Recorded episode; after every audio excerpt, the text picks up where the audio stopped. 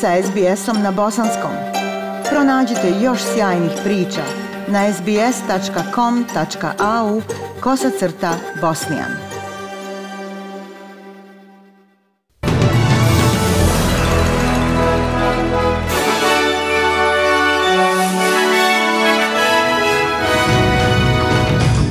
U današnjim vijestima poslušajte, advokati Novaka Đokovića pokušavaju mu omogućiti da ostane u zemlji i takmiči se na Australian Openu. Viktorija prima prvu isporuku od 3 miliona brzih testova i u sportu rukometna reprezentacija Bosne i Hercegovine poražena od Češke. Slušate vijesti SBS radija na bosanskom jeziku. Advokati Novaka Đokovića iznose slučaj kako bi svjetski broj 1 ostao u Australiji i takmičio se na Australian Openu. Savjetnik teniske zvijezde Nikola Svud pokušava da opovrgne argument ministra za imigraciju Aleksa Houka da bi dalje prisustvo Đokovića u Australiji moglo da podstakne raspoloženje protiv vakcinacije. On kaže da gospodin Houk nije razmatrao ono što opisuje kao alternativni scenarij mogućnost da bi ukidanje Đokovićeve vize sama po sebi moglo da izazove raspoloženje protiv vakcinacije. Gospodin Wood se osvrnuo na nekoliko medijskih članaka, uključujući BBC, ABC i The Guardian o Đokovićevim prošlim izjavama o vakcinama za koje kaže da su jedini oblik dokaza koji gospodin Hawke može pružiti da nisu dovoljni jer sugeriraju da je Đoković rekao da nije stručnjak, ali je želio da uradi ono što je najbolje za njegovo tijelo. Slučaj se vodi u punom sastavu troje sudija Saveznog suda, a sudije se nadaju da će saslušati argumente obje strane do popodneva. Viktorija je primila prvu veliku isporuku od 3 miliona brzih testova na antigen. To je dio velike naručbe od 44 miliona testova. Testovi će biti distribuirani ključnim radnicima od sutra, uključujući osnovne radnike u zdravstvenom sistemu, hitnim službama i sektoru za njegu invalidnih i starih osoba.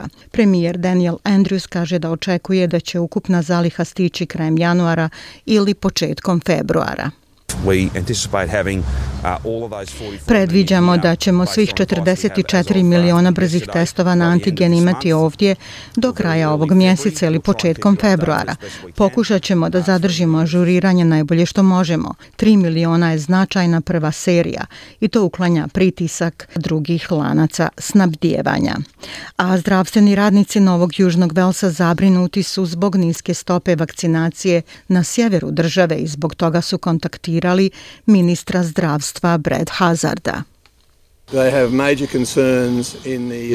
Veoma su zabrinuti u sjevernom dijelu Novog Južnog Velsa zbog relativno niske stope vakcinacije i to naglašava poruku o kojoj je dr. Chant upravo govorila, potrebu da se vakciniše.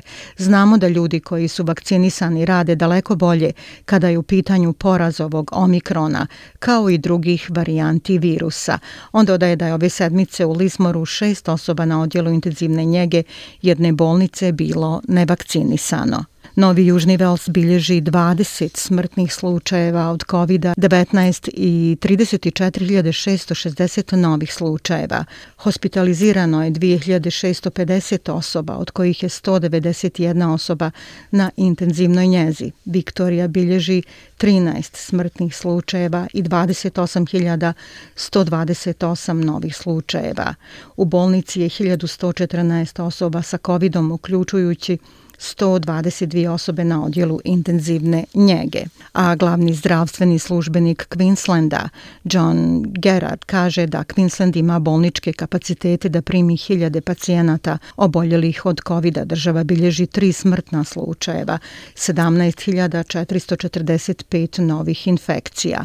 670 osoba je u bolnicama, od njih 49 na intenzivnoj njezi. Gospodin Gerard kaže da se državni zdravstveni sistem drže, ali postoji pritisak na Gold Coast i Južni Brisbane.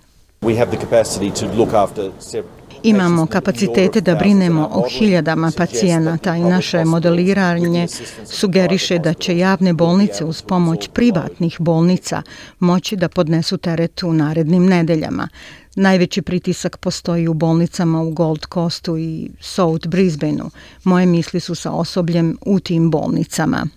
Savezna vlada obezbjeđuje 24 miliona dolara za finansiranje usluga telehelta, uključujući nabavku lične zaštitne opreme i dalju online podršku. Ovaj iznos se nadovezuje na 34 miliona dolara već osiguranih od početka pandemije. Dodatna sredstva će podržati privremene promjene telehelta koji su osmišljene da daju ljekarima opšte prakse i specijalistima mogućnost da rade od kuće.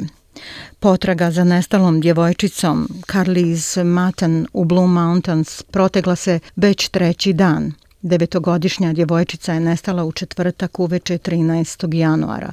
Policija je potvrdila da je bijeli čamac kod kuće koje je boravila zapljenjen radi forenzičke analize. Ronioci pretražuju jezero na susjednom imanju, a više od stotinu osoba hitne pomoći nastavlja da pretražuje oblast. Policija apeluje na sve koji imaju informaciju da se jave.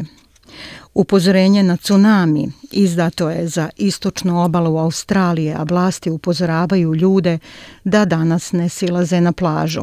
Tsunami je izazvao podvodni vulkan koji je sinoć eruptirao kod obale Tonge. Upozorenja važe za ostrvo Norfolk, ostrvo Lord Howe, sva obalna područja Novog Južnog Velsa te dijelove Viktorije i Tasmanije. Komesarka službe hitne pomoći Novog Južnog Velsa Karlin York kaže da je sigurnost prioritet.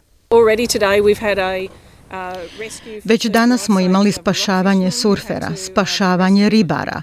Opet molim vas, nemojte silaziti na plaže, nemojte ići na pecanje gdje se nalazite u opasnosti i time dovodite u opasnosti volontere i spasioce hitne službe. Lider britanskih laburista Keir Starmer poziva premijera Borisa Johnsona da podnese ostavku nakon daljnjih navoda o partijima koji su se održavali u zgradama vlade tokom karantina zbog covid -a. Gospodin Starmer kaže da su premijerovi postupci potkopali povjerenje javnosti u vladu i da gospodin Johnson više nema moralnog autoriteta. Moralni autoritet je bitan u vezi s provođenjem COVID pravila, ali imamo druge ogromne izazove sa kojima se ova zemlja suočava. Imamo premijera koji je odsutan, znate, on se bukvalno krije u ovom trenutku i nije u stanju da vodi zemlju i zato sam zaključio da mora da ode.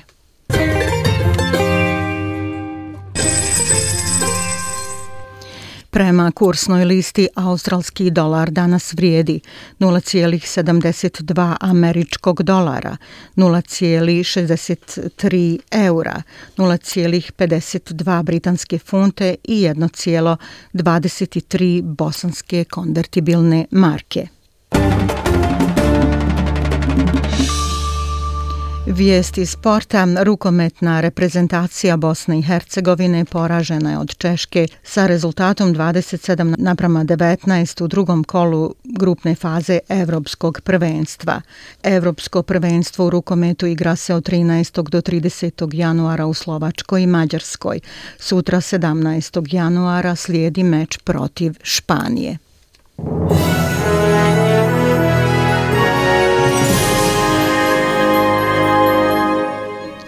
I evo temperaturnih vrijednosti za veće gradove u Australiji. U Pertu 32, Adelaidu 31, u Melbourneu 29, Hobartu 24 stepena, u Kamberi 29, u Sidneju 28, Brisbaneu 33 stepena i u Darwinu 32 stepena Celzijusa. Bile su ovo vijesti SBS radija na bosanskom jeziku. Ja sam Aisha Hadži Ahmetović. Ostanite i dalje s nama.